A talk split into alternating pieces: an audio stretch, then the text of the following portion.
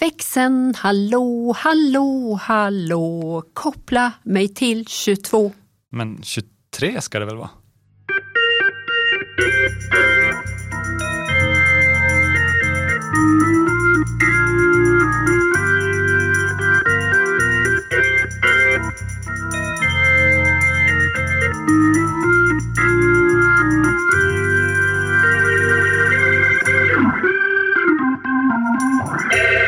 Hej och välkomna till årskrönikan för 1923. Jag heter Ylva Och jag heter Christian. och det här utspelar sig alltså för 100 år sedan. Vilket inte var 22 då, utan 23.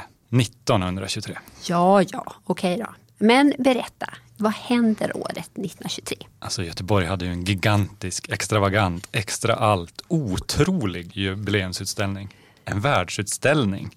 Alla var där. Folk kom från öst och väst på kamelrygg och droska. Åkte limbana i varmkorv. Ja, ja, ja, men nu får du lugna ner dig. Det där har vi ju redan pratat om många gånger och i flera poddar. Så nu släpper vi fokus på den här utställningen. Och för lyssnare som vill veta mer om den och Göteborgs 300-årsjubileum så rekommenderar vi att ni lyssnar på tidigare avsnitt av denna podd. Okej. För idag så tittar vi närmare på de initiativ som kan gro under en sån här stor utställningsek. Vad kan det vara? Ja, men så här. Vad händer året 1923? Teknikmässigt, politikmässigt. Det kan vara nöjesmässigt och sportmässigt också kanske? Men vi kan väl börja att prata om doodle-di-di-di, manuella telefonväxlar. Ja, varför inte? Nu pratar vi riktig old school-teknik. Ja, idag kan man ju säga att det här har ju helt försvunnit ner i det digitala slukhålet bland ettor och nollor. Men då, 1923, då var det högst konkret. Berätta. Okej, här kommer en komma ut-berättelse. Oh, spännande. Jag har faktiskt jobbat med en sån växel. Jaså? Och det här var på tiden då när typ dinosaurier gick på planeten? Ja, men i alla fall nästan. Det här var på 80-talet. och eh, då sommarjobbade jag som telefonist med den här uråldriga tekniken som heter snörväxel på en myndighet i Lund. Och så satt jag under arbetsdagen framför en stor kontrollpanel med olika numrerade hål i och så svarade jag i en gammaldags telefonlur. Ja, bakelit. Ja, jag tror det var vanlig fulplast. Okej. Ja, men så folk ringer till myndigheten? Ja, och då så svarar jag med min bästa telefonröst. Statens utsädeskontroll, god morgon. Eller Statens utsädeskontroll, god middag. Utsädeskontroll alltså? Ja, okej. Men vad, vad hände då? då? Ja, men då är det alltid någon som vill prata med agronomen ditten eller datten. Alltså typ agronom Andersson. Och så fick jag ju ringa upp den där Andersson då på en annan linje. Så ska jag säga att han hade samtal som väntar på typ linje 4. Okej. Mm. Det här är ju länge sedan, så nu, hur som helst. Så fick jag ju återvända till de som hade ringt och så fick jag säga ett ögonblick, jag kopplar. Och så fick jag sätta in den här proppen med sladd i, i ett hål nummer fyra till exempel på kontrollpanelen. Och så fick de kontakt och så kunde de prata lite. Ja, men lättfixat. Ja men absolut. Tills du fick för många samtal och skulle expediera allt samtidigt. Och det skulle kopplas hitan och ditan och du glömde vilken agronom som satt och häckade bakom vilket nummer. Ja, ja, du hade inte björnkoll där riktigt. Nej, inte i början, men jag Nej. fick lite kläm på slutet. Men för att återgå till året 1923 Ja, så är ju det här året man börjar bygga ut automatiska telefonväxlar. just det. Utan behov av telefonister, som väl främst var kvin- kvinnor va? Ja, visst är det här intressant att det här rubriceras som ett kvinnojobb. Och anledningen var då att kvinnor ansågs vara snabbare att koppla samtal och så hade de ett trevligare bemötande i luren. Så kan man ju tänka. Ja, Och 1923 var ju också året då den manuella avdelningen på Telegrafverket här i Göteborg flyttade in i det här pampiga huset vid Kaserntorget. Och där kopplades det dygnet runt. Främst av kvinnor då kan vi tänka oss. ja det är ju en riktigt cool byggnad det här. Men åter till snörväxlarna då. De här fanns faktiskt kvar ända in på 2000-talet. Vilket säger ju något om hur teknisk utveckling sker, liksom gradvis och sällan över en natt. Men jag tänker mer om radio nu när vi ändå håller på och poddar. 1923 är ju också året då BBC startar sina reguljära sändningar. Men BBC, det är ju England. Ja, men sändningarna kunde höras även i Sverige om man hade rätt utrustning. Här hemma har ju Telegrafverket börjat provsända här under tidigt 20-tal också. Och då kan jag sätta Ålsten på kartan. För att, In kommer Gösta, inte den Gösta men ingenjören Gösta Fant. Jaha, och Ja, men det här är mannen som fick Sveriges första radiolicens. Han bodde i Ålsten. ja, det är stort. Eh, Men vet du vad som sänds i radio för första gången 1923 och som har fortsatt att finnas i tablån sedan dess? Ja, sjörapporten kanske? Nej, den kommer mycket senare, 1939. Jag tänker på något som berättar något viktigt om dåtidens Sverige. Okej, jag drar till med dragspelsmusik. Nej, det ingår musik i det jag tänker på, men dragspel var ett definitivt no-no. Det handlar om gudstjänst. Okej, Eh, 1923 sänds den första gudstjänsten i radio från Jakobs kyrka i Stockholm. Sverige var ju ett kristet land för hundra år sedan. Det, det är ju först på 1950-talet som svenska medborgare hade rätt att gå ur Svenska kyrkan och också hade rätt att då avstå från att gå med i andra religiösa samfund. och kunna bli liksom icke-troende. Just det. Spännande fakta. Så svenskarna har alltså gått från religiösa till sekulära på mindre än ett sekel. Ja, där skiljer vi oss ju från i stort sett alla andra länder på planeten. Men på senare år har det väl blivit lite religiös återväxt i Sverige. Ja, absolut. Men vi är fortfarande i hög utsträckning ett sekulärt samhälle. Men tillbaka till Göteborg och sånt som får kraft att växa utanför 300-årsjubileet. Som är, Arbetarrörelsen. mm, För 1923 får för första gången Socialdemokraterna och kommunisterna egen majoritet i Göteborgs stadsfullmäktige. Ja och nu hundra år senare har vi ju fortfarande en socialdemokrat som är Göteborgs mäktigaste politiker, Jonas Attenius. Ja, Socialdemokraterna har hängt i. Men här för hundra år sedan, då är ju arbetarrörelsen på stark frammarsch. Men det är den inte ensam om, om att vara. Eh, nazismen växer också fram. Okej. Eh, Bland annat så genomför ju Hitler den här ölkällarkuppen 1923. Då han marscherar med 300 nazister till München för att, 3000 var det väl? ja, det var för få nazister. Ja. Eh, Men de marscherar mot München för att göra statskupp. Mm. Misslyckas, men lyckas också fly. Ja, det är kusligt. För tänk om han hade straffats och dömts redan då. Då kanske historien skulle ha sett helt annorlunda ut. Ja, vem vet. Men Tyskland var ju inte ensamt om att bygga en brun politisk opinion vid den här tiden. Jag tänker med judehat, hets mot kvinnokamp och homosexuella som drivande motor. Okej, jag anar oråd här. Vad är det som händer i Göteborg? Här grundas den svenska antisemitiska föreningen av en James Barthold Lundén. Han är född i Fässberg in i en prästfamilj, utbildad på Chalmers och jobbade sen som ingenjör på sockerbruk både i Sverige och i Tyskland. Sen skolade han om sig till altviolinist och spelar sen i orkestern på Göteborgs konserthus i 12 år. Mäktigt. Ja. Ja, han var också med och grundade Slottsskogsobservatoriet genom en donation. Samtidigt så jobbar han som musikrecensent och är chefredaktör för Vidi, alltså en typ av boulevarddidning som skrev om kändisar men också hetsade mot judar och homosexuella. Upplagan låg här i början på 1920-talet på 25 000. Eh, alltså den svenska antisemitiska föreningen de sysslade ju bland annat med bojkotter mot judar och judiska butiker. Och ett av dåtidens slagord kan faktiskt fortfarande höras ibland. Det är det här Sverige åt svenskarna.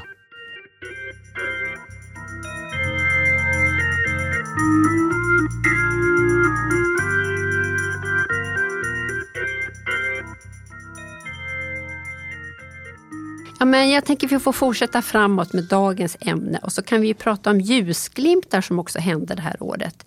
Som att kvinnor äntligen fick rätt att inneha statliga ämbeten. Ja, de fick ju inte bli polis och inte militär eller präst förstås. Men en del seger. Ja, och äntligen kunde kvinnor utbildas i juridik. Men en av de mest omdebatterade frågorna var om de skulle få bli domare.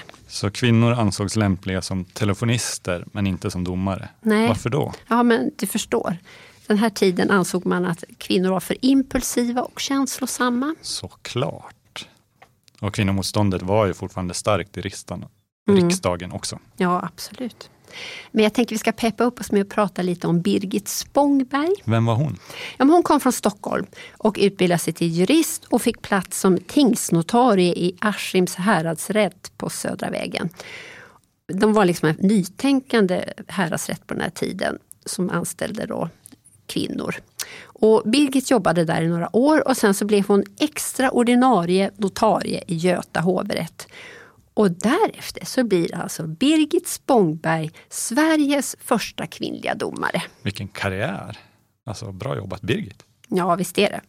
Man kan ju bara tänka på motståndet hon mötte på vägen. Mm. Men nu har jag faktiskt spexat till det lite. Okej.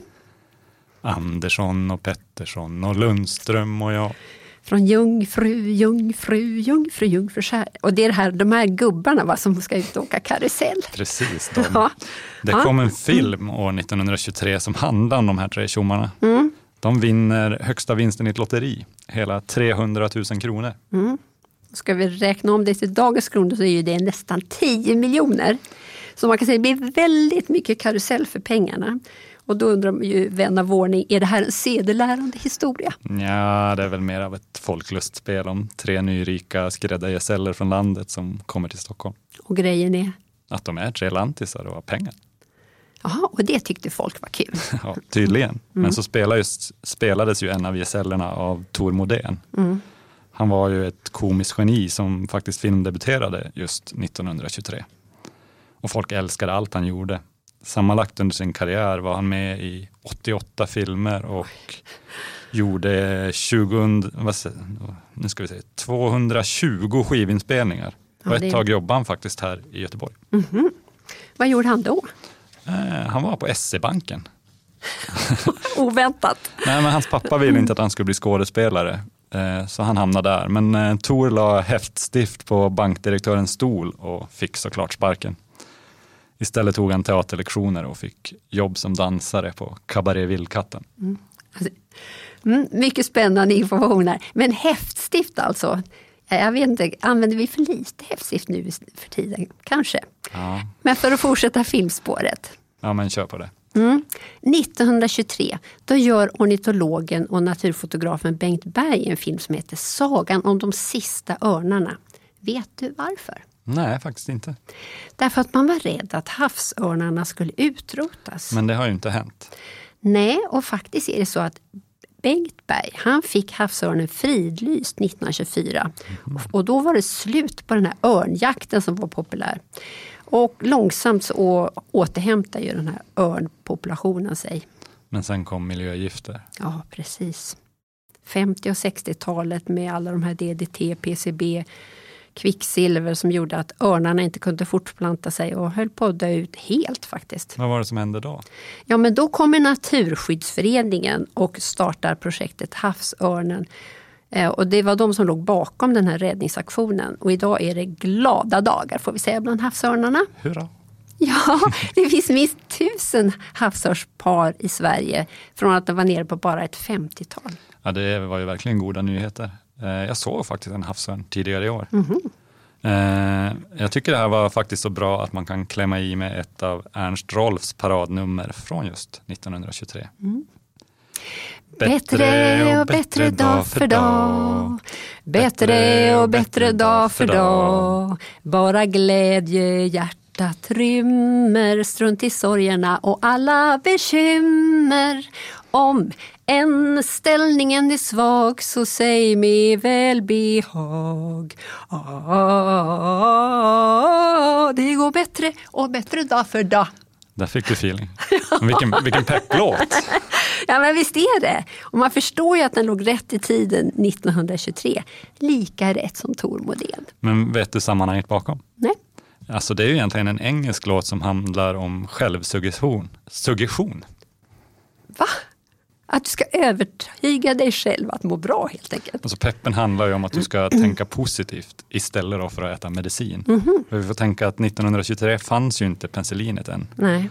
Så fick du en infektion, ja, men då kunde doktorn ordinera annat som ja, men något laxerande, eller dra ut en tand, eller tonsillerna kanske. Oh, aj, aj, aj. Ja, det vill man ju inte. Då är det ju, alltså, tralla på låter ju lite bättre då med en peppig låt. Och så tänka lite positivt.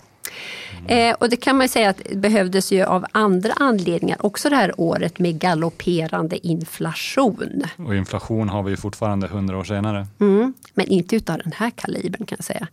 Tyska riksbanken ger ut en ny valuta för att försöka sätta stopp på den här galoppen. Och en tysk D-mark blev lika med många nollor vill jag minnas det som. Ja, verkligen. En ny mark motsvarade en biljon, det vill säga 12 nollor. Många nollor. ja, där är vi inte 2023. Mm. Jag tror kanske inte vi hamnar där, även om många kämpar på med höga bolån och matpriser. Men nu när vi är inne på ett lite deppigt spår så får vi prata om dåtidens ruskiga polismord också. Okej, okay. fanns det liksom gängkriminella redan då? Nej, inte som vi tänker idag. I det här fallet var det en Kurt Haijby som låg bakom. Det är en, också en märklig person. Något av en skojare, men också restaurangägare som senare blev känd för den här Haijby-affären. Mm, du får berätta. Ja, men lite bakgrund. Eh, enligt Haijby själv, vi vet inte om detta är sant, men vi kanske kan säga att det är sannolikt. Mm. Eh, som 15-åring ska han i alla fall ha sålt majblommor på Kungliga slottet. Mm. Bara en sån sak, gå fram och knacka på. Eh, och dåvarande kung Gustav V ska då ha fattat tycke för honom och gjort eh, sexuella närmanden. Några år efter det här så påbörjar Haijby en bitvis kriminell bana och döms bland annat för en förfalskning han gjort som inhyrd strejkbrytare här i Göteborg. Alltså det var många kalorier i den här berättelsen. ja, men eh, 1923 var 65 000 svenska arbetare lockoutade mm. och 20 000 i strejk för att arbetsgivarna velat sänka lönerna. Mm, verkligen orostider. Minst sagt med lågkonjunktur och stora konflikter på arbetsmarknaden. Eh, strejkbrytaren Haijby då, han ska ha fyllt i namnet på en paketavi adresserad till den person som egentligen skulle ha jobbat. Men så kommer polisen på honom eller? Ja, och när de är på stationen så uppstår tumult. Haijby hävdar efteråt att han försökte ta sitt eget liv och att detektivkonstapel Karl Olander försökte avstyra det men dog av ett vådaskott under bråket. Och rätten godtar den förklaringen. Så Haijby slapp att dömas för mord men eh, han fick 18 månaders straffarbete. Men ändå, en konstapel ihjälskjuten på polisstationen. Ja, det är kusligt. Mm. Eh, jag läste att den högste chefen för kriminalpolisen i Stockholm ska ha sagt det mest utmärkande draget hos Haijby är hans mytomani.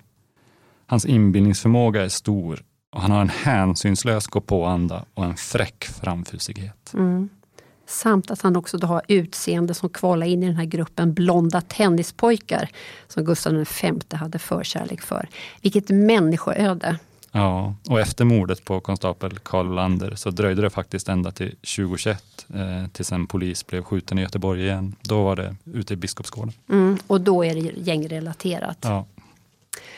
Okej, okay. men här är ju många saker som snurrar under i dagens krönika kan man säga. Det har ju varit både det ena och det andra som har vuxit här under den stora jubileumseken.